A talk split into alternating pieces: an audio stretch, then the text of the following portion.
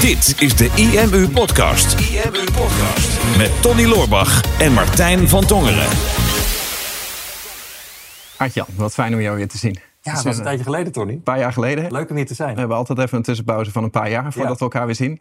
Maar eh, ik volg je online wel. Dat is natuurlijk nooit helemaal uit het eh, zicht. Kan ook niet anders, want je bent een soort van eh, zichtbaarheidskoning geworden de afgelopen jaren. Ja, leuk man. Vind ik, online. En eh, weer een eh, bestseller geschreven, of bestseller to be. Staat hij al op nummer 1? Nou, toevallig op de dag dat wij dit opnemen is die, eh, is die op nummer 1 gekomen in de Management Book Top Vanochtend. 100. Dus dat is wel goede timing geweest van je. Dat is jouw derde nummer 1. Nou, die eerste die kwam op 2. En dat was mijn eh, motivatie om die tweede. En dacht ik, goddomme, dat zal me niet nog een keer dat, ik, dat ik niet op heb gelet. En dat ik niet heb geprobeerd om hem nog één, één zetje te geven. Dus het is de tweede nummer 1 die ik... eh vorige boek kwam er op één. Nou ja, het derde boek, tweede nummer 1. Ja, het kan niet anders. eh, ja, nummer 1, dat kan ook niet op nummer 2 staan. Heb Ja, daar was ik wel heel bang voor. Ja, van wakker gelegen. dat gaf wel een beetje druk. Ik had er wel graag een screenshot van willen maken, ja. Ja, ja. Want eh, we, gaan het, eh, we gaan het hebben over de inhoud van het boek natuurlijk. Met name over copywriting, want dat is jouw expertise. En eh, ik, ik vind dat ook fascinerend. Maar ik ben nog wel even benieuwd. ik, ik wilde het boek kopen vorige week. En toen kwam ik al doorklikken en dan kwam ik op jouw website en niet op Managementboek. En toen dacht ik van, hey, heb je niet al je kaarten op één marketingstrategie gezet om daar die nummer 1 te pakken?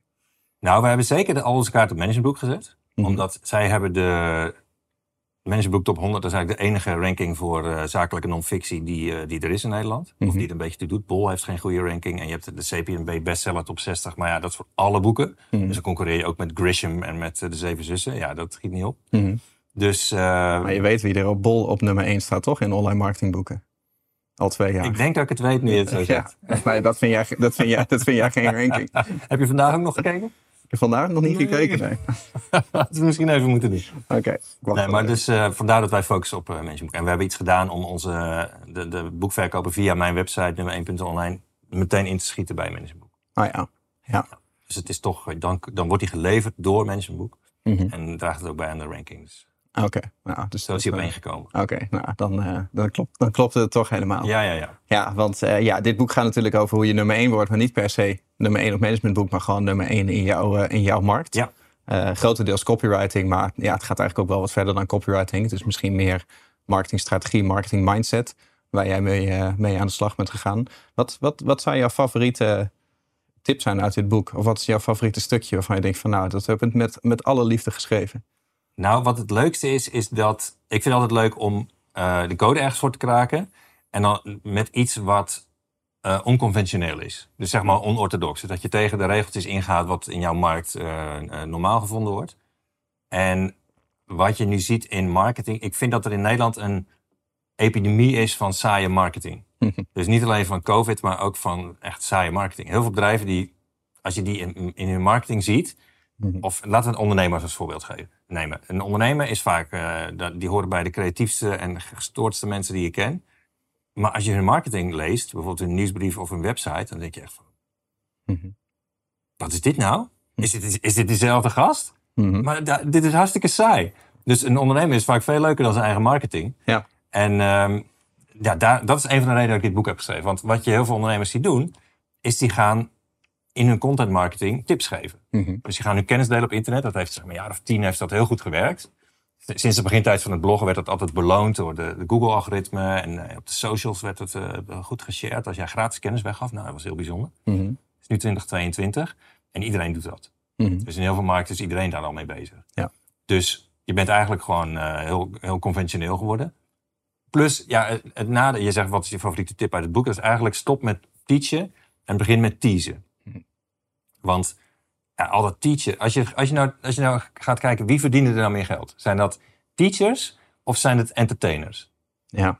Dus je juf. Duits van vroeger of is het eh, Beyoncé? Of Frans-Duits. Ja. Ja, precies. Ja. Dus eh, ja, op Frans uit. Ja. Dus, dus daar zit een, klein- een klein verschilletje tussen. En de teachers die hebben ten eerste een veel lager inkomen dan entertainers. Maar nou, aan welke eh, docenten uit je verleden denk je nou met echt plezier terug? Dat zijn er maar heel weinig. En één of twee misschien. Ja. Dus als je dat weet, dat teachers veel lagere status en inkomen hebben dan entertainers. Waarom zou je dan positioneren als een teacher in je marketing? Dus waarom zou je dan de shit uit je klanten gaan teachen? Mhm. als je eigenlijk, als ze het veel leuker zouden vinden, als jij gaat entertainen, als je ze gaat teasen. Ja, Nou, het, het, is, het is wel interessant. En misschien ook wel een goede nuance. Kijk, ik herken wel wat je zegt. Het virus wat ondernemers hebben. Dat uh, als iemand nog niet naar de Kamer van Koophandel is geweest. Is het vaak een beetje een normaal denkend consumentenbrein wat iemand heeft.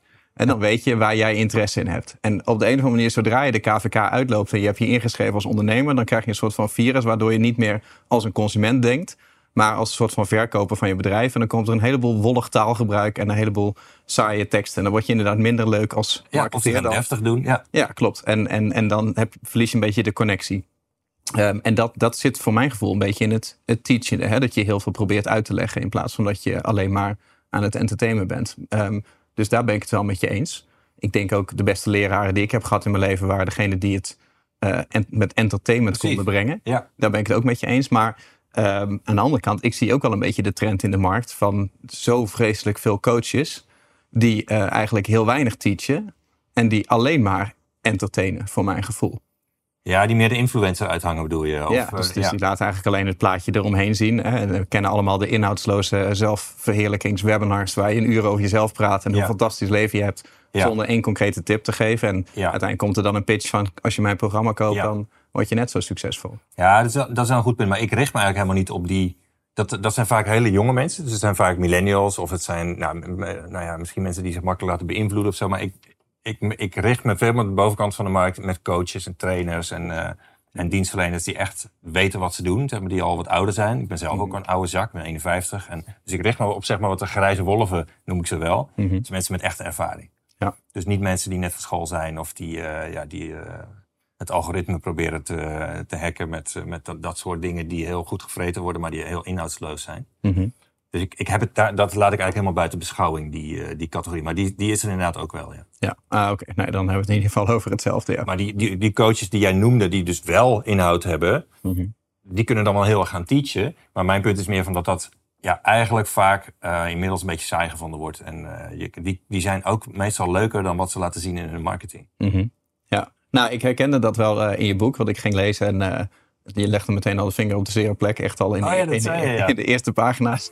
Uh, terwijl, ja, ik ben al sinds 2007 met online marketing bezig. Dus we zijn nu, uh, wat is dat, 15, uh, 15 jaar verder. Dat is ook wel een beetje een schrikmomentje. Dat is gewoon 40% van mijn levensjaren ben ik met online marketing bezig. En toch heb je bij mij op de eerste pagina de vinger op de zere plek ja, Wat was dat ook alweer?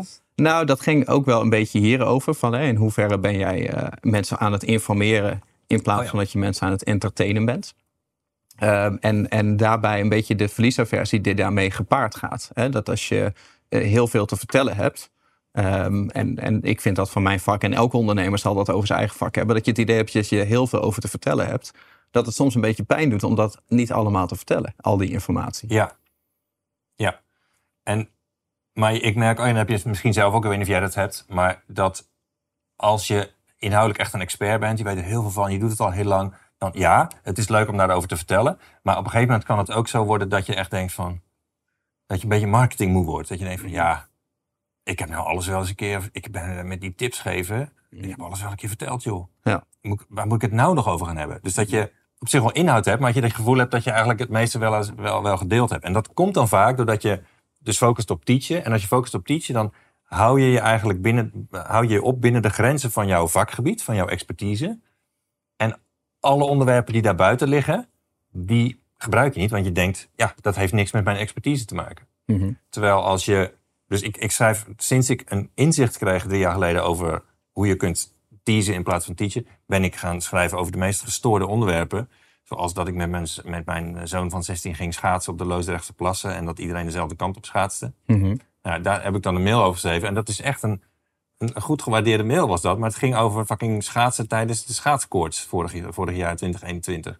Of mhm. de kikker die ik kan horen kwaken vanuit mijn kantoor. heb ik al, dat is Henk. Die komt mhm. echt meerdere keren, is hij al teruggekomen in mijn marketing. Mm Hij heeft al een eigen Instagram profiel? Nee, maar hij heeft wel echt, ik heb hem een naam gegeven. Dat vind ik dan al heel wat. Mhm. Dus nou ja, en, en weet ik veel dat ik uh, op de tribune zat bij FC Utrecht. Want ik heb een seizoenkaart. En uh, wat iemand achter mij op de tribune naar de scheidsrechter riep. Over dat soort dingen hebben we, uh, doe, ik, doe ik nu iets in mijn marketing. En ik verkoop fucking boeken. Saaier kan niet, weet je wel. Ik verkoop boeken en, en online trainingen en dat soort dingen.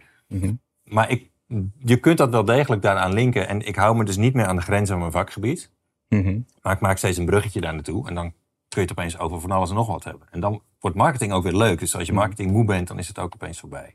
Dus Ja. je creativiteit weer kwijt. D- Dit vind ik wel interessant, want, want ik ben ook geneigd om natuurlijk binnen de grenzen van mijn vakgebied te denken. Ik haal er nog wel eens wat levenservaringen bij, maar dan moet het wel een soort van metafoor zijn voor iets wat ik Aha. in mijn vak wil uitleggen. Maar ik hoor vaak van ondernemers van, als het over storytelling gaat, van ik heb heel weinig verhalen te vertellen die relevant zijn voor Ja. mijn vakgebied. Daar kijk jij dan anders tegenaan. ja, daar kan ik zeker anders tegenaan. Want ik denk dat je over fucking alles kunt vertellen. Als je een trap oploopt, daar zou je al een verhaaltje over kunnen. Nou, je, je hoeft eigenlijk alleen maar een link te zien tussen datgene wat je nu aan het doen bent. Of wat dat voor jou betekent. Of associatie die je daarbij hebt. Of je hoeft alleen maar de link te zien tussen dat. En er hoeft alleen maar een gemeenschappelijk element te zijn tussen dat en jouw vakgebied. Mhm. En dan, heb je, dan kun je een, bruggetje eh, maken. Want Mhm. zeg maar, als je een riviertje hebt en je wil, zou daar een bruggetje over willen maken, hoe doe je dat? Nou, dan leg je aan beide kanten van, de, van het water leg je een betonblok. En op die betonblokken, daar leg je dan een bruggetje op. Mhm. Nou, en zo werkt het bij zo'n bruggetje in je mail of in je marketing ook. Van je vertelt gewoon verhaal, dat is aan de ene kant van het water. En dan het gemeenschappelijke element dat in beide, ook in je vakgebied, wat aan de andere kant van het water zit. En dan kun je daar een bruggetje over maken. Bijvoorbeeld, ik, ik gaf je dat voorbeeld over die, eh, dat ik... eh, ik, zat, ik zat met zoon van 16, bij, zat ik bij FC Utrecht op de tribune en we zaten naar de wedstrijd te kijken. En toen kregen we een penalty. Mhm. En FC Utrecht heeft een penalty specialist, dat is Simon Gustafs- Gustafsson, dat is een eh, Zweedse middenvelder. En die fucking schiet elke, elke penalty erin. Mhm. Dus die mist nooit. En eh, daar maakte ik, ehm, vervolgens maakte ik een brugje naar mijn vakgebied. Want ik zei, het is heel lekker als jij eh, gezien wordt als een specialist ergens in. Dus als jij het beste adresje ergens voor bent. Hij is het beste adresje voor penalties Mhm. in FC Utrecht. En het is ook heel lekker als jij niet wordt gezien als iemand die alles kan. Dan kijk, een voetballer die op alle posities kan spelen, daar gelooft niemand in. Maar je moet Mhm. eigenlijk specialist ergens in zijn. En dan, nou, ja, dat was het bruggetje, dus spe- eh, specialist ergens in zijn. Mhm. En dan kun je vervolgens daar zo overheen lopen naar je vakgebied. Mhm. En dan heb je mail geschreven over dat je op de tribune zit. Nou, dan kan je natuurlijk in geuren en kleuren doen. En dan kun je vertellen dat er een gast erbij komt die zegt, waar is mijn worst? Weet je wel? En dan kun je allemaal erin verwerken. Ja. Want ja, dan gaat het toch uiteindelijk gaat het ergens over. Maar dan zou het dus niet uitmaken dat jij, jouw business is mensen marketingadvies geven. Maar stel je bent hovenier, dan zou je precies ditzelfde verhaal kunnen gebruiken om aan te geven dat jij als hovenier een specialist bent in, laten we zeggen, boomverzorging. Ja. Of het eh, snoeien van je heg. Ja. Ja, oké. Dus het is interessant. Ik denk dat er nu al een wereld open gaat. Hoe kwam jij aan dit inzicht? Want je zei net, we kregen op een gegeven moment het inzicht om eh, anders te gaan Deze mailen. mastermind in Amerika. Ik was in Chicago bij een mastermind. En toen zei iemand tegen me, je moet gewoon dagelijks gaan e-mailen. Hm. Mhm. Dat is vast toen je dat hoorde dat je dacht, meteen dat ga ik doen. Nou, toen ik dat hoorde, mailde ik wekelijks. Maar dat was een evergreen autoresponder. Dus wat had ik gedaan? Ik had 100 artikelen van, van uit mijn nieuwsbrief en blog en zo gepakt. En die had ik achter elkaar gezet. En daarmee had ik dan twee jaar lang elke week een automatisch verstuurde e-mail. Want ik had geen zin meer om nog mails te schrijven. Hm. Ik was het gewoon beu. Ik vond het gewoon hartstikke saai, want ik was alleen maar aan het teachen. Mhm. Dus ik was aan het teachen en af en toe promote ik een webinar, nou weet je dat. En toen kreeg ik die tip van, ga nou gewoon eh, entertainen in je mails. En ga elke dag mailen. Hm. Want het, het leuke is, als je gaat entertainen, dan wordt niet meer gezien als marketing. Hm. Dus als er een mail binnenkomt over waarin ik vertel in geuren en kleuren dat ik op de tribune op, bij het voetbal zat. Mensen denken niet, oh, dit is, hij probeert nu iets te verkopen. Nee, ze denken, oh, grappig, hij zat met zijn zoon op de tribune even lezen wat er dan gebeurde. Mhm. Dus je vliegt onder de marketing bullshit radar die we hebben om ervoor te zorgen dat we niet gek worden van al die marketingboodschappen. Hm. Dat is het leuke hieraan. En daarmee kun je dus ook opeens zo vaak promoten als je wil. Mhm. Dus te zeggen we in internetmarketing is één zo'n soort van inzicht in masterminds vaak zo van doe vaker een offer. Hè? Dus zorg dat je vaker gewoon iets aanbiedt aan je klanten. Wees niet bang om te verkopen. En kom gewoon vaker door met een offer. En nu kan je dan, ik doe, sinds ik dit inzicht kreeg, bied ik elke dag wat aan. Mhm. Ik stuur gewoon elke weekdag een mail. En ik wil altijd een aanbod. In elke mail. In elke mail. En dan eh, vaak hetzelfde product? Of heb je elke keer weer iets Ja, anders? meestal een week lang hetzelfde. Voor een webinar promote ik dan. Of voor een, eh, een tijdelijk eh, aanbod. Of in, in dit geval ben ik natuurlijk mijn boek aan het promoten. En net wat er actueel is op dat moment. Nou, het is natuurlijk vaak, ehm, eh, dat leren wij ook wel aan ondernemers, van, hè, hou een beetje een balans tussen, tussen commercie en, eh, en, en waarde. Hè? Al is waarde een beetje een eh, uitgemolken woord tegenwoordig en heeft iedereen daar een andere invulling voor. Maar ehm, kijk, voor ons is dat, hè, als wij onze mailinglijst st- iets sturen, eh, we sturen natuurlijk niet altijd een, een product of een, of een aanbieding. Maar Ja. wij maken vaak een afweging van, nou, sturen we iets waardevols of sturen we iets commercieels. En als we iets commercieels hebben gedaan, dan moeten we eerst weer een tijd opbouwen. Dan moeten we die mailinglijst soort van reanimeren. Ja. En dan kunnen we over een tijdje weer commercieel zijn. Maar jij hebt dat dan gemixt, denk ik. Ik heb er ook altijd zo tegenaan gekeken. ik dacht altijd, ja, ik moet 80% moet waarde zijn van de, van de mails en 20% kan ik verkopen. Hm. Dat was mijn uitgangspunt. Ik dacht van anders dan wordt het te verkoperig of zo. Ik weet niet wat ik dacht. Totdat ik dus helemaal geen zin meer had om al die waarde te geven. Dat ik dacht van, ah, ik ben gewoon, ik ben het al tien jaar aan het doen man. Ik heb Hm. alles al een keer gezegd. Ik heb al honderden artikelen geschreven. Ik was er helemaal klaar mee. En, en ik, ik kon dus niet eens meer opbrengen om elke week te mailen. En toen kreeg ik een tip en toen, dat werkte bij mij zo, dat wekte zoveel creativiteit op dat ik vervolgens elke dag kon mee. Ik ben vanaf dat moment elke dag gaan mailen en dat doe ik nu nog steeds. En het is nu meer dan drie jaar later. Mhm. En ik heb helemaal geen discipline. Hm. Dus, en toch schrijf ik elke ochtend als ik opsta om half zeven, dan eh, geef ik de hond brokjes en ik maak thee en dan schrijf ik even zo'n mail. Ja. Want het is zo gedaan. En mijn klanten die gaan er heel goed op. Mhm. En ja, ik hoef dus ook niet meer eh, waarde te geven. Ja. Dus ik ben niet meer eh, mijn klanten elke keer allemaal informatie en tips aan het geven. Want ik, nu achteraf voelt het voor mij ook een beetje dat ik dat jarenlang gedaan heb. Beetje als eh, naakt verschijnen op je eerste date. Hm. Dus je kent elkaar eigenlijk nog, als de mensen nog niet zo heel lang op je lijst staan. Hè? En ze kennen je misschien nog niet. En dan ga je ze de hele tijd al eigenlijk waarde geven. Het is eigenlijk al waar het, waar het uiteindelijk om gaat. Wat je in je, ik verkoop dan vooral content. Dus ik Mhm. verkoop allerlei trainingen en zo. En dan zou ik die, wat ik verkoop, zou ik al in mijn marketing stoppen. Is eigenlijk net zoiets, dat gaat te snel. Mhm. Zo, zie ik, zo kijk ik nu tegen. Ik denk van, nou, ik, ik- als je gaat daten, dan ga je doen.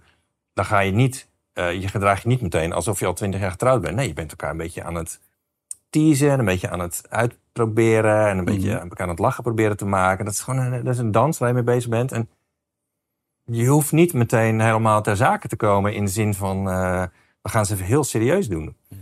En dat vind ik dat de. Ik zie het nu zo dat ik denk van ja, dat is de taak van marketing. Het moet gewoon leuk zijn en ze moeten je leuk gaan vinden en dan komt het allemaal wel. Mhm. Dus dat betekent eigenlijk dat je een entertainment factor in je marketing moet hebben. Of beter gezegd dat je marketing een entertainment factor moet zijn. Nou ja, de- niemand moet wat, maar ik denk dat als je klanten wilt fascineren. Mhm. Eh, Jim Rohn, die zei, die zei een keer, oh, zo'n marketingspreker, die zei een keer daarover van als mensen ehm, geïnteresseerd zijn, dan willen ze weten in jou, dan willen ze weten of het werkt, wat jij verkoopt. En als ze gefascineerd zijn, dan willen ze weten hoe het werkt. Mhm. Met andere woorden, dan zijn ze al over de drempel. Mhm. Dan zijn ze eigenlijk al binnen in jouw huis. En dan willen ze eigenlijk alleen maar rondkijken. Dan, dan, willen, ze, dan willen ze gewoon weten, van, hoe doe je dat dan? Mhm. Maar dan zijn het eigenlijk al klanten. Alleen ze hebben nog niet betaald, maar dat, dat komt dan wel. En dat is het voordeel hiervan. Je kunt mensen gaan fascineren in plaats van dat je ze interesseert. Mhm. Want interesseren, dat is op een gegeven moment dat is een soort van... Ja, dat, daar kunnen heel veel mensen. Mhm. Maar fascineren, dat kan niet iedereen. Hm.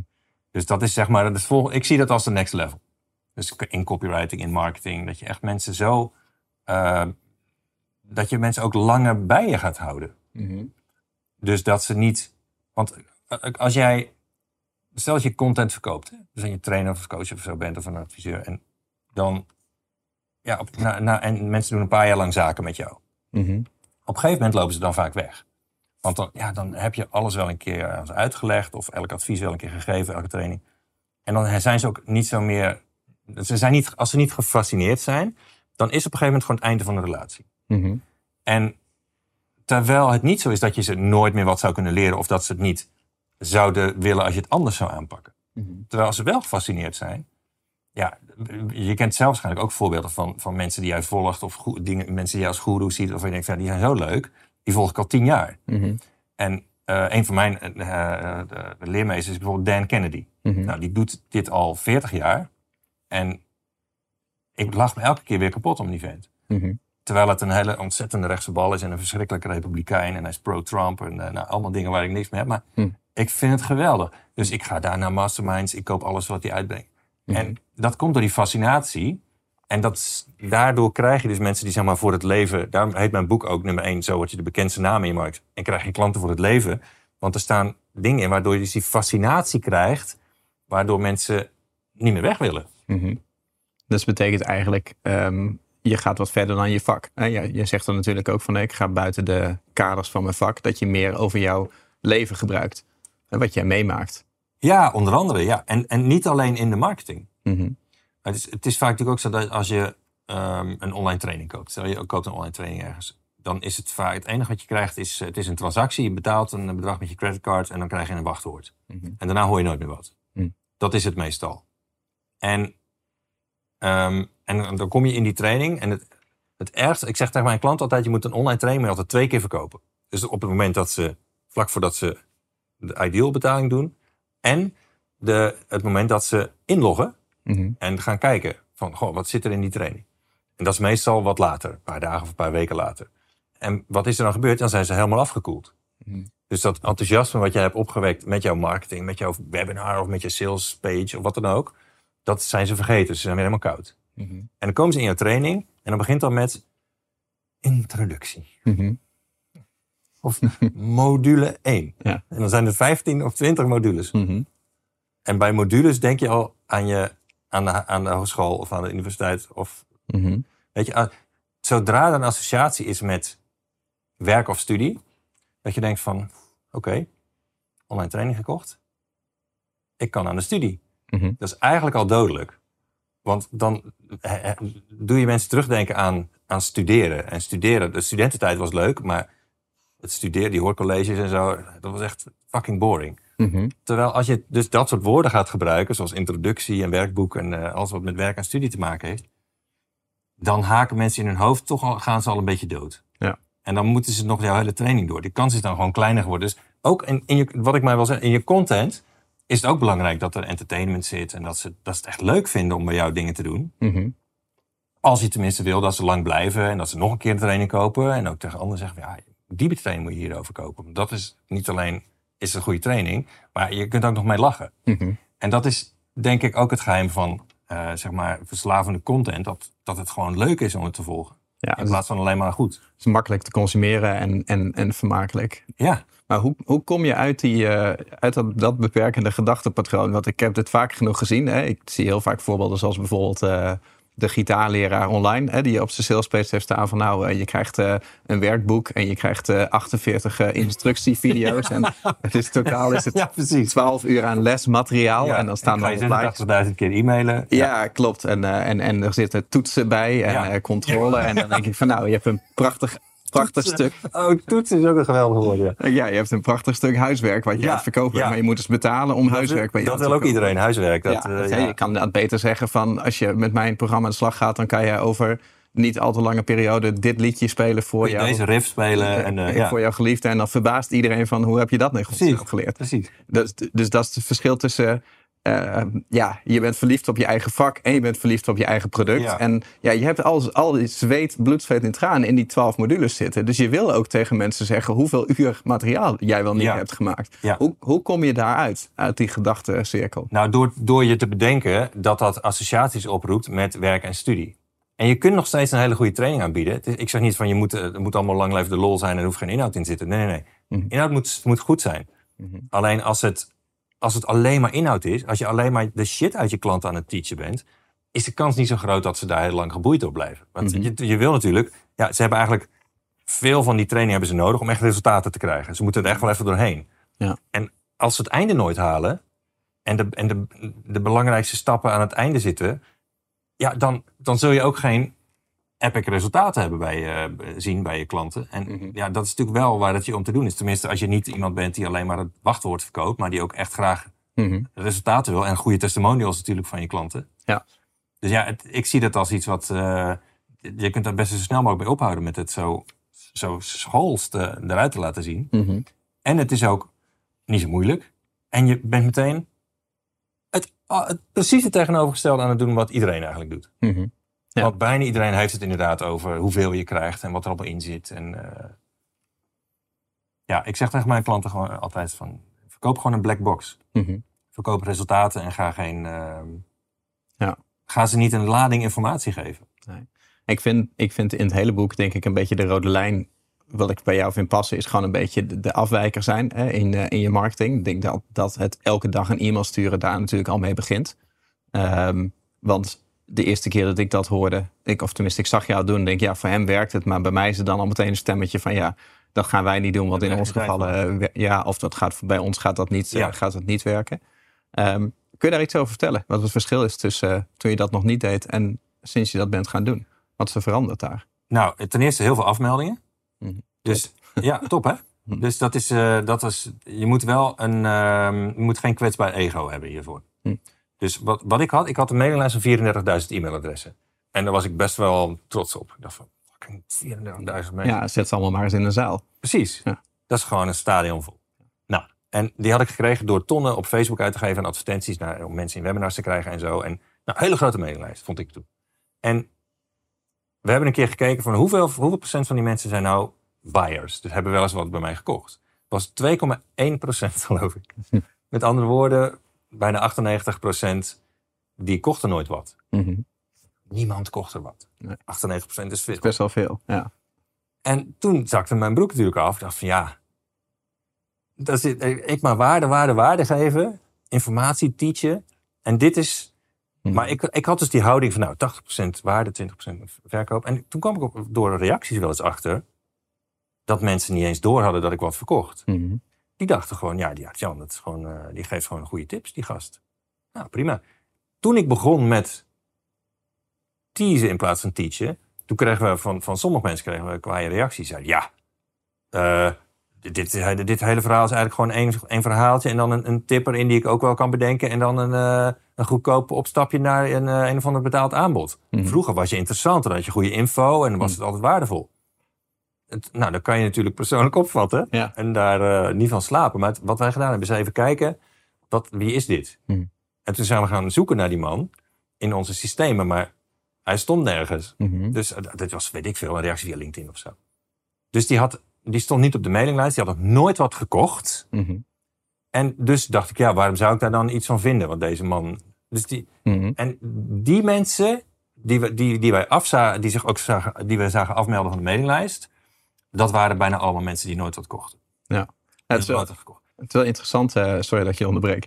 Maar eh, ik kan me nog herinneren, de eerste keer dat wij elkaar ontmoetten, dat zal in eh, 2011 geweest zijn, dus dat is tien jaar geleden. Misschien, misschien zelfs wel precies tien jaar geleden. Dat zou best kunnen. Ja. Toen, eh, toen had je natuurlijk één boek, hè, eh, Ver- Verleiden op internet. ja.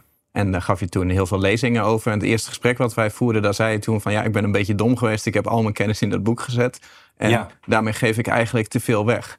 En ik herkende dat toen heel erg dat mensen na elke sessie naar jou toe kwamen en zeiden van nou, wat, wat interessant.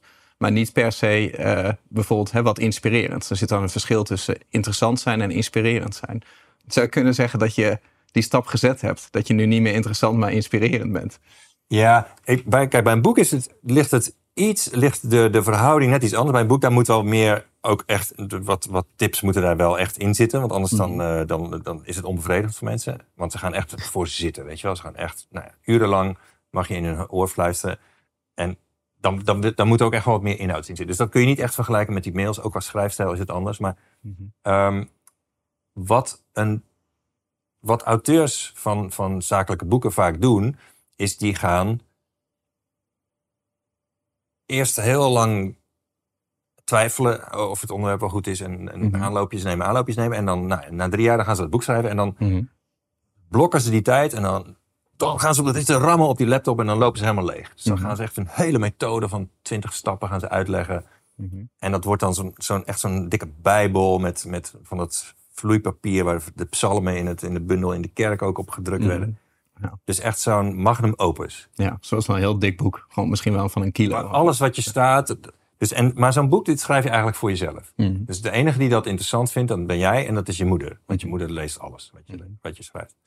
En ze, en ze zeggen wel eens dat een manier om mensen te martelen, dat spionnen in het klasje van buitenlandse zaken leren dat je gevangenen kunt martelen zonder sporen op het lichaam na te laten, door ze te slaan met een telefoonboek. Hmm. En eigenlijk is dat ook wat je doet als je een auteur bent en je schrijft zo'n magnum opus, dan ben je eigenlijk je lezers aan het slaan met zo'n Je kan mensen wel dood fucking vervelen. zeg maar. telefoonboek. Ja. En dan, ja, als ze dan helemaal in coma eh, liggen, dan, denk, dan verwacht je dan dat je nog iets aan ze gaat verkopen. Of dat ze nog eens een keer wat voor jou gaan lezen. Of dat ze jouw content, jouw betaalde content ook interessant gaan vinden. Mhm. Kleine kans is. De, de, de, de aanpak die ik eh, bij dit boek heb gebruikt om hem op één te krijgen. Heb ik na mijn vorige boek dat op één kwam, heb ik in een training gestopt. En daarin vertel ik ook altijd tegen auteurs: kijk nou uit. Maak nou niet een boek wat een soort zuurdesembrood van een kilo is. Mhm. Maar schrijf gewoon een, een warm croissantje met een beetje frambozenjam erbij, Mhm. zelfgemaakte. En dat is het enige wat dat boek hoeft te zijn. Mhm. Dus mensen willen gewoon een lekker hapje. En daarna willen ze honger hebben om, om de rest ook te gaan, eh, bij jou te gaan eh, horen. Dus je moet ze eigenlijk gewoon nieuwsgierig maken. En overtuigen dat jij weet waar je het over hebt. En, en je moet een beetje leuk doen. Dat is het enige wat dat boek hoeft te doen. Een boek schrijven met al je kennis wat precies een kilo weegt is een slecht idee, zeg jij. Eh, ja, Ik ken een toevallig iemand die dat gedaan heeft. Ja, nou ja, het is misschien een leuk project, maar het is vooral leuk voor jezelf. Ja. Je schrijft, kijk, Dan Kennedy zegt altijd van, eh, eh, you are not your average customer. Mhm. En ja, jij staat als expert aan het einde van een leerweg van, nou, hoe lang heb je daarover gedaan om dat allemaal te weten? 20 jaar, 10 jaar? Mhm. Je kunt dat niet verwachten dat je dat in een boek stopt en dat die klant dan in, in de tijd dat hij één boek leest, dat hij dan net zoveel weet als jij. Mhm. Dat is gewoon, dan ben je mensen aan het martelen. Dat is gewoon door, door een trechter en dan, weet je wel, foie gras kweken is dat. Mhm. Gaat niet. Ja. Dat is ook heel naar voor de ontvanger. Ja, ik voel me ineens heel slecht over die 30.000 mensen die mijn boek hebben gekocht. Ja, een soort van, eh, Heb je ook een magnum opus? Eh, nou, we noemen het wel eh, de online marketing bijbel, ja. En we hebben op onze salespage staan dat het maar liefst een kilo weegt. En dat alles erin staat wat, wij, eh, wat we weten. Oh, oké. Ja, Maar- ik wist niet dat je het persoonlijk opvat. Nee, nee, nee. En moeten nee. mensen ook een kruisje slaan voordat ze het mogen lezen? Of- Nee, zeker niet. Maar voor ons had een andere intentie. Maar dat wordt Ja. een hele lange podcast van. En het gaat nu niet over ons, maar over jou. Daar, wij hadden daar natuurlijk een ander idee bij. Maar ik, ik snap Ja. wel heel erg wat je zegt. Het resoneert heel erg. En, en ik probeer te kijken of ik het een beetje naar de gemiddelde ondernemer kan trekken. Zeg maar, die niet net zoals wij in informatiemarketing zit. Hè, maar de, Ja. laten we zeggen, de boekhouder of de, de hovenier. Of, eh, of, of de personal trainer. Van hè, hoe, hoe toepasbaar wordt. Want ik herken heel erg die strijd van... Hè, je zit in je vak. En je hebt het idee dat jij in ieder geval de beste bent in je vak. Of je bent heel erg overtuigd van jouw kennis. Tenminste, ik mag hopen dat je daar als ondernemer mee zit. En, en, dat, en dat wil je uitdragen. Hè? En, en je hebt het idee dat als je dat niet doet, dat je jouw luisteraar of je lezer of je klant, dat je die daarmee tekort doet. Hè? En eh, wij hadden het voor het gesprek ook kort even over dat jij nog wel eens de expert kan zijn die niet bekend is. En dat je je bont en blauw eh, ergert aan je concurrent die niet zo'n expert is als jij, maar die veel bekender is en, Ja. en veel meer geld verdient dan jij. Ja, Ja, wat, nou ja, terwijl het eigenlijk een pannenkoek is. ja. Ja, ja, Maar die heeft wel alle naamsbekendheid. ja, ik zeg wel eens, eh, een internetpannenkoek is iemand met heel veel breedte en heel weinig diepgang. Ja, precies. Ja, dus en dat bedoel jij ook met een pannenkoek. Nou, een pannenkoek is gewoon iemand die eigenlijk... die wordt gezien als de expert, de nummer één in de, in de markt. Mhm, Terwijl, jij, terwijl er anderen zijn die eigenlijk beter zijn. mhm, Andere experts. En dat, dat zijn dan vaak eh, eh, klanten die bij mij komen. Die, die, dat zijn echte nou ja, grijze wolven, zeg maar. Echt, echt diep experts. Mensen die echt gewoon er wat van weten. En die hebben dan een concurrent. En daarvan weten ze uit verhalen van klanten die bij hun komen uiteindelijk omdat ze niet goed geholpen zijn daar. mhm. Van ja, zoals zij het doen, dat is gewoon niet de goede aanpak. Dat, ga- dat levert geen resultaat op voor die klanten. En dan komen ze uiteindelijk bij hun. Dus dan hebben ze een, een, een concurrent met alle naamsbekendheid. Terwijl ze denken, ja, ik zou eigenlijk die naamsbekendheid moeten hebben. Alleen, hun eigen marketing is dan niet goed genoeg. Ja, ja ik denk, denk persoonlijk nog wel dat daar een nuance zit. En zeker als je naar boeken kijkt. Hè, er zijn natuurlijk de meest bekende boeken ter wereld. Ehm, eh, in ons vakgebied bijvoorbeeld, hè, als het over marketing, persoonlijke groei gaat. Ik weet niet of je het met me eens bent, maar dat zijn vaak niet de allerbeste boeken. Dus de, de Think and Grow Riches of de Rich Dad Poor Dads of eh, de Seven Habits, dat soort boeken. Mhm. Ehm, die zijn, als je begint met ontwikkeling, zijn die heel interessant. Maar als je dieper wil, merk je heel, heel snel dat er veel betere boeken zijn qua Ja. ontwikkeling dan de bekende, zeg maar. Ja. Ja. zie je dat ook een beetje. De allerbeste boeken zijn vaak niet zo bekend. En de meest bekende boeken zijn vaak niet zo heel, niet zo heel diepgaand. Ja, dat is ook een beetje hoe je, eh, wat je een, een goed boek vindt. Als je een boek echt wilt voor de diepgang in de content. Dat is niet het type boek waar ik zeg maar vooral op gefocust ben. Ik heb vooral een, een, een boek zie ik als marketing. Mhm. Dus het is eigenlijk gewoon een marketingtekst die mensen bewaren tot hun dood. Mhm. Want mensen gooien nooit boeken weg. Mhm. En dat is ook het fantastische van het schrijven van boeken. Je krijgt, je- je- mensen betalen geld voor jouw marketingtekst. Die zetten ze dan op de mooiste plek in hun kantoor of in hun woonkamer, waar ze een speciaal meubel voor hebben gekocht. Daar staat die centraal in hun leven tot ze doodgaan. Want niemand gooit, mensen gooien meestal geen boeken weg. Mhm. En ze geven het cadeau aan hun allerbeste vrienden Mhm. op hun verjaardag. Ja. Als het een leuk boek is tenminste. Mhm.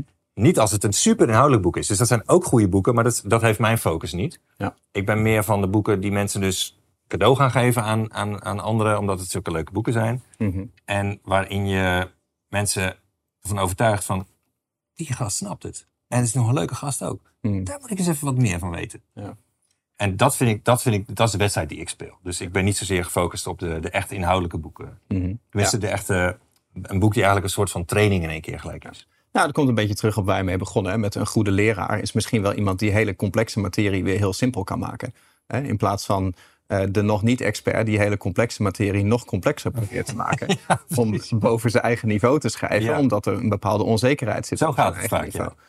Ik denk dat als jij zekerheid hebt over je vak en je, en je kan er echt boven staan, dan kun je een vak inderdaad heel, heel simpel maken. Maar even kijken hoor, of we daar nog een paar nuggets in kunnen zetten. Want eh, misschien is dat een goede metafoor. Hè? Eh, jij bent de, de expert, althans vind je zelf, maar je bent niet zo bekend. Er is een eh, pannenkoek in de markt. Dat is de meest bekende. Dat Ja. is de star. Maar die is niet zo goed als dat jij, als dat jij vindt dat jij bent.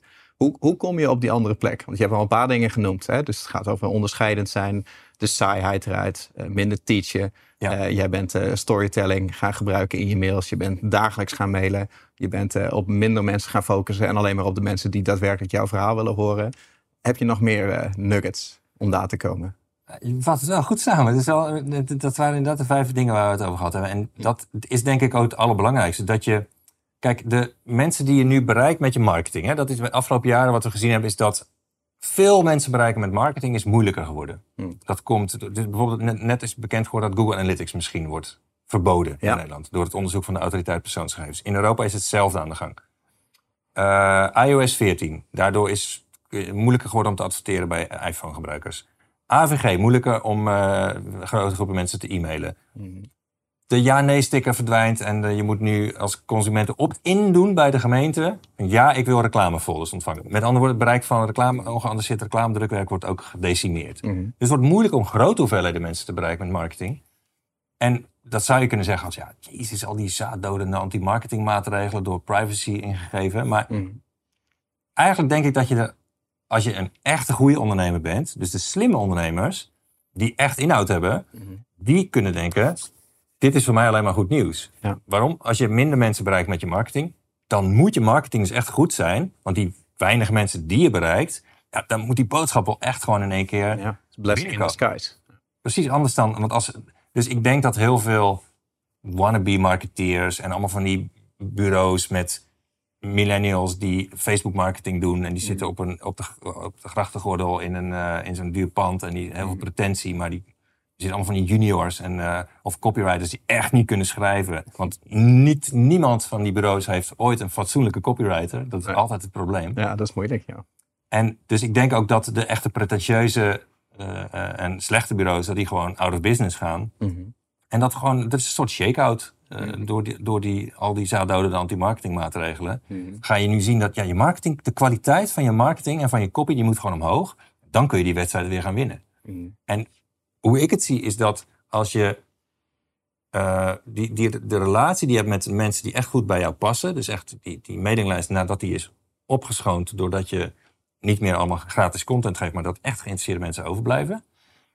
Eigenlijk is, heb je daar een soort vriendschappelijke relatie mee. Tenminste, als je op deze manier, zoals ik in het boek beschrijf, gaat communiceren, dan mensen leren jou zo goed kennen dat iedereen die jou een flapdrol vindt of die geen klik met jou heeft of ja, no offense, maar ik vind jou gewoon niet zo leuk. Nou prima, die zijn weg. Mhm. En dan hou je mensen over. Ik heb het echt gemerkt sinds ik op deze manier mail.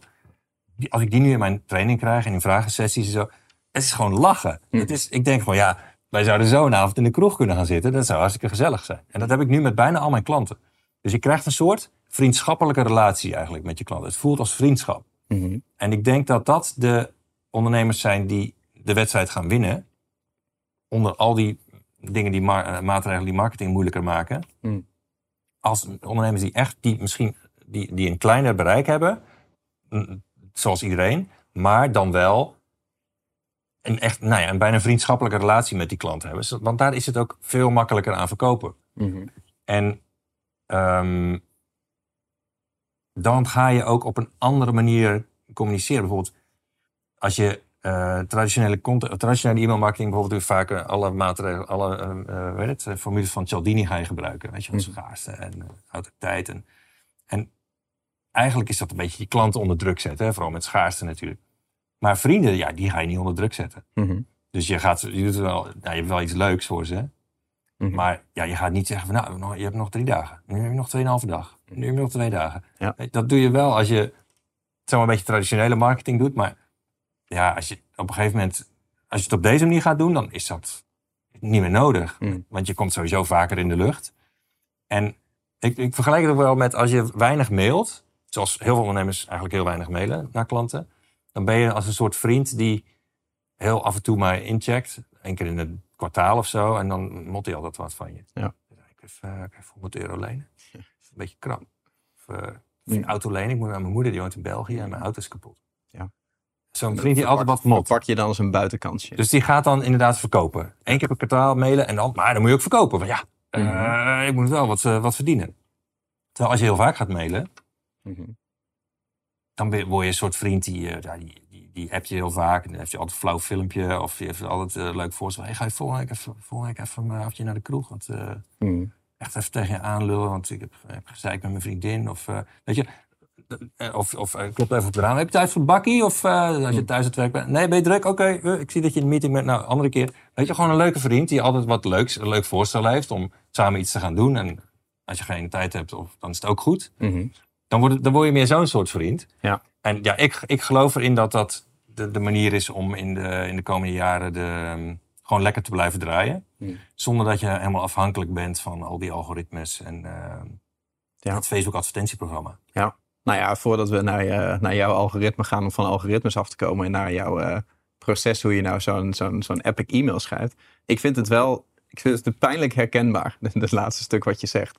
En het is grappig, want eh, Oké, Martijn- het is bij goed nieuws en slecht nieuws tegelijk is dat. hè? Nou, het is wel goed nieuws, maar het, het is iets waar Martijn en ik bijvoorbeeld de laatste jaren heel vaak over hebben. Als wij over onze mailingstrategie ook hebben, maar ook social media content, blogcontent, eh, webinars die we geven, advertenties, weet je. ehm, we zijn door de jaren heen steeds meer gaan doen. Hè. Natuurlijk zijn het ook een aantal bedrijven, maar je, je gaat steeds verder. En naarmate je langer bezig bent, ga je steeds meer doen. En het is moeilijk om bepaalde dingen los te laten. En hoeveel te meer je gaat doen, des te meer je overal gemiddeld in wordt. Hè, als jij je enige marketingmethode is e-mail schrijven, dan heb je 100% focus op die e-mails.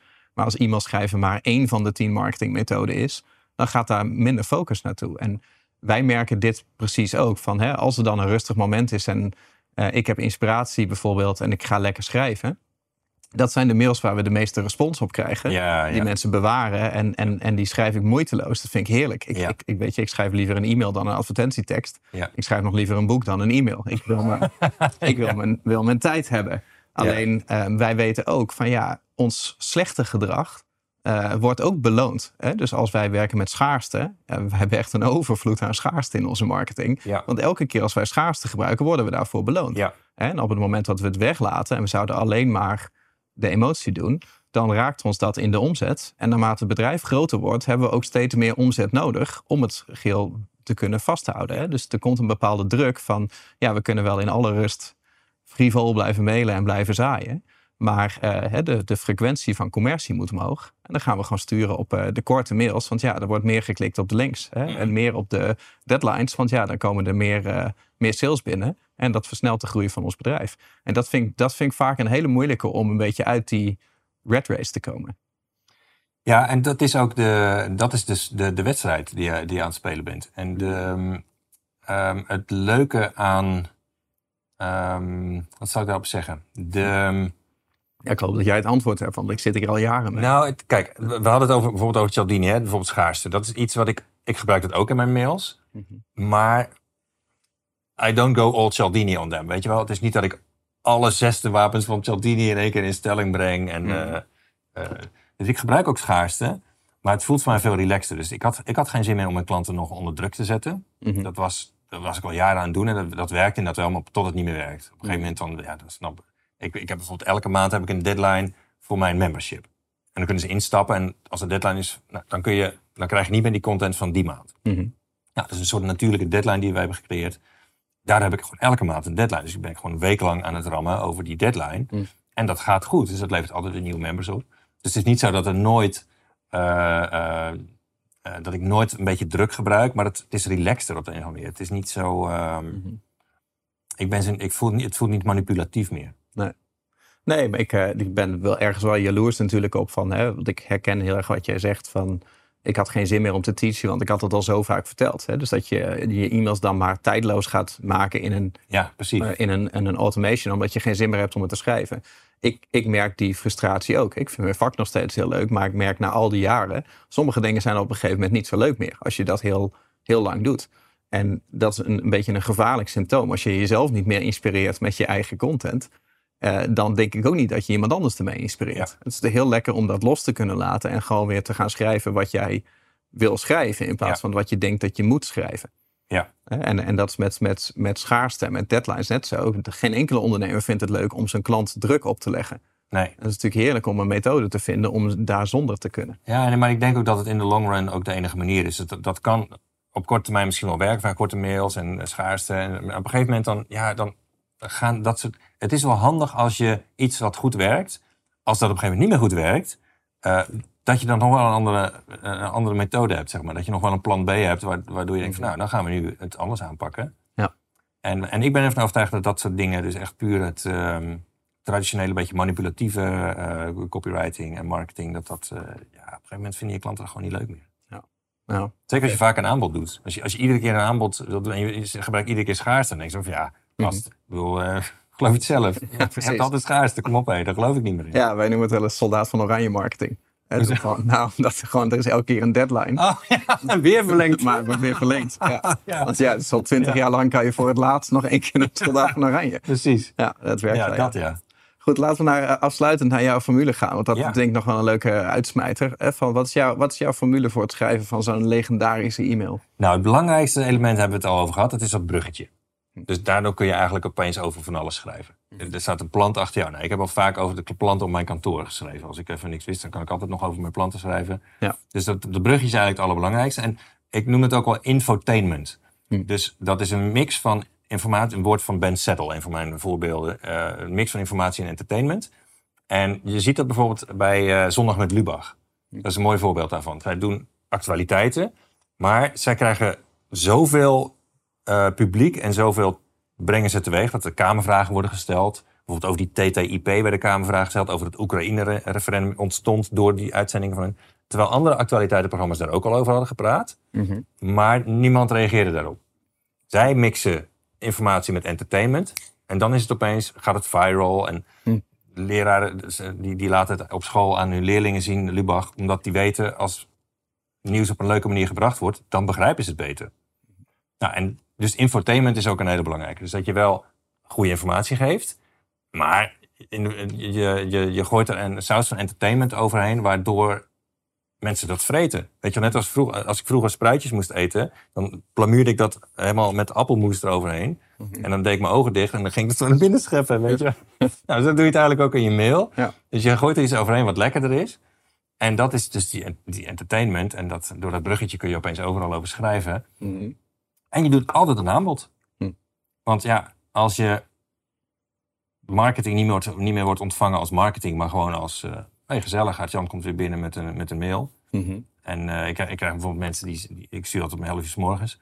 En die, die, meerdere mensen hebben ons gemaild. Ja, ik lees je altijd op de play. Hm. Want het is net na koffietijd. Dan moet ik altijd even. en dat vind ik geweldig. ja. Ja, ik wil heel graag met, met enkel, broek op de enkels gelezen worden. Want dat betekent gewoon dat het een soort. Ja, Mhm. vast, dan ben ik een vaste gast. Ja. Ja. is het op de wc? Ja, ik ruik het niet, weet je. Nee. Dus ik vind het geweldig als mensen dat eh, mailen. En ehm, ja, dat is eigenlijk het enige wat je hoeft te... En, en dus het wordt niet meer gezien als marketing. En dus kun je ook veel vaker mailen als je zou willen.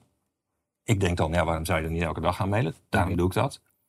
En je eh, kunt ook elke keer een aanbod doen. Mhm.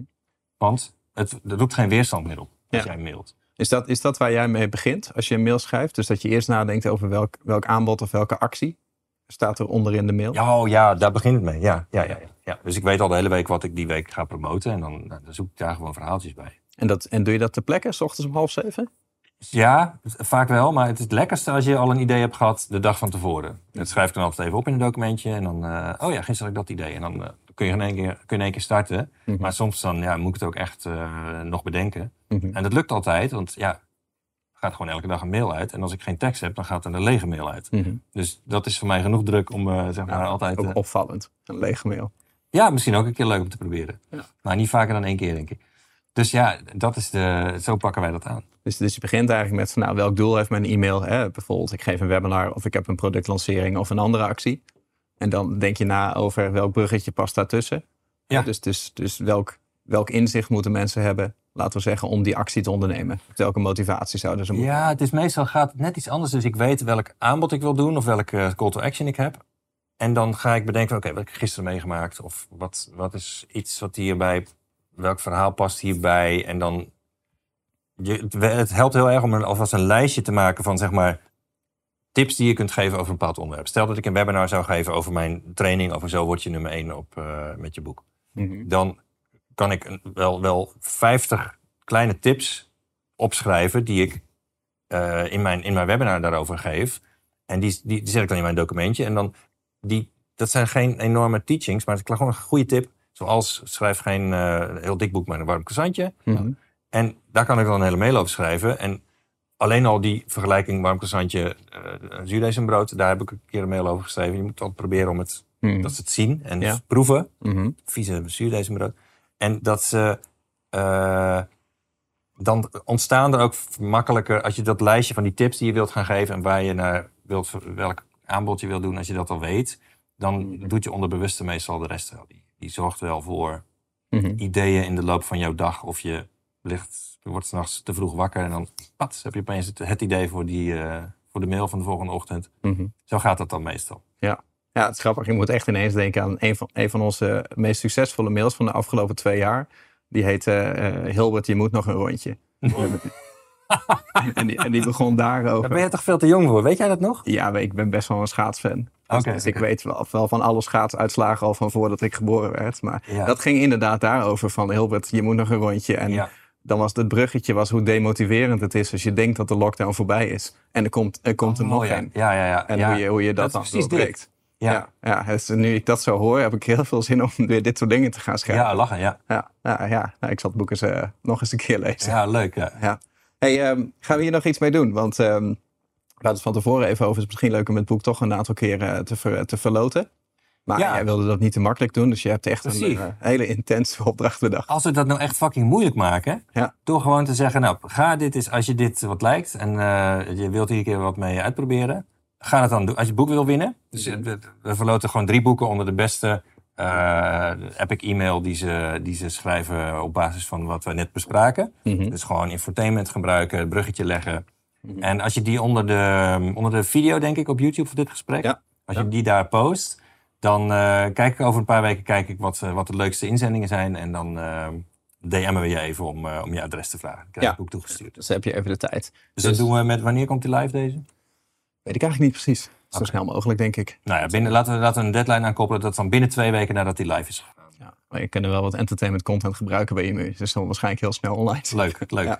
Ja, dus dat is de opdracht even voor de kijkers thuis. Als je nou hebt zitten luisteren, dan haast je naar YouTube. En eh, ga even reageren onder de YouTube-video. Ehm, ik raad je natuurlijk aan om het boek eh, gewoon te gaan eh, bestellen. Want sowieso een no-brainer. Deze wil je gewoon in de kast. Daarnaast, leuk voordeeltje trouwens. Je hebt ook het audioboek persoonlijk ingesproken. Ja. Wel gaaf. Ik heb een stuk van geluisterd. En vind het ook leuk om jou nu gewoon op één keer speed te horen in dit interview. Want ik heb je net op twee speed geluisterd. maar eh het audioboek krijg je gratis bij als je het boek bestelt. Dat is ook wel leuk Ja. om, eh, om te vertellen. Dus kijk daar sowieso naar. Maar eh, mocht je hem willen winnen of mocht je het leuk hebben om er twee te hebben, dan kan je hem twee keer lezen. Of dan kan je maar niemand geven. Eh, dan hebben we een toffe opdracht. En sowieso denk ik een leuke opdracht om je skills te testen is... schrijf eens zo'n legendarische e-mail. Hè? Dus begin eens met, met de conclusie. Hè? Welke call to action wil jij in die e-mail?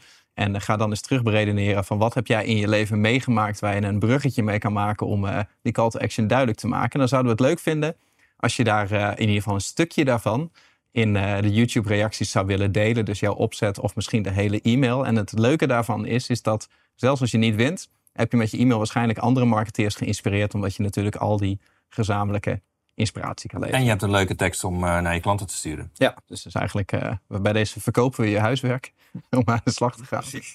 Doen we het toch zelf ook. Maar je hoeft er alleen niet voor te betalen. Het is gratis huiswerk. Dus eh, veel succes. Ik hoop dat je deze video waardevol vond. Dat mag je natuurlijk ook laten weten. Druk nog even op het duimpje als je toch op YouTube zit. En vergeet ook zeker niet om je te abonneren op ons YouTube kanaal. IMU Podcast. Super tof dat je hebt geluisterd naar de IMU podcast. Ik hoop dat je dit waardevol vond en dat je er inzichten uit hebt kunnen halen voor jezelf en voor je eigen business. Vond je dit nou een waardevolle podcast, dan zouden Tony en ik het heel erg waarderen als je dat zou willen delen. Enerzijds door dat bijvoorbeeld te delen via je eigen Instagram of via LinkedIn. Door een screenshot te maken van je telefoonscherm en ons er even in te taggen.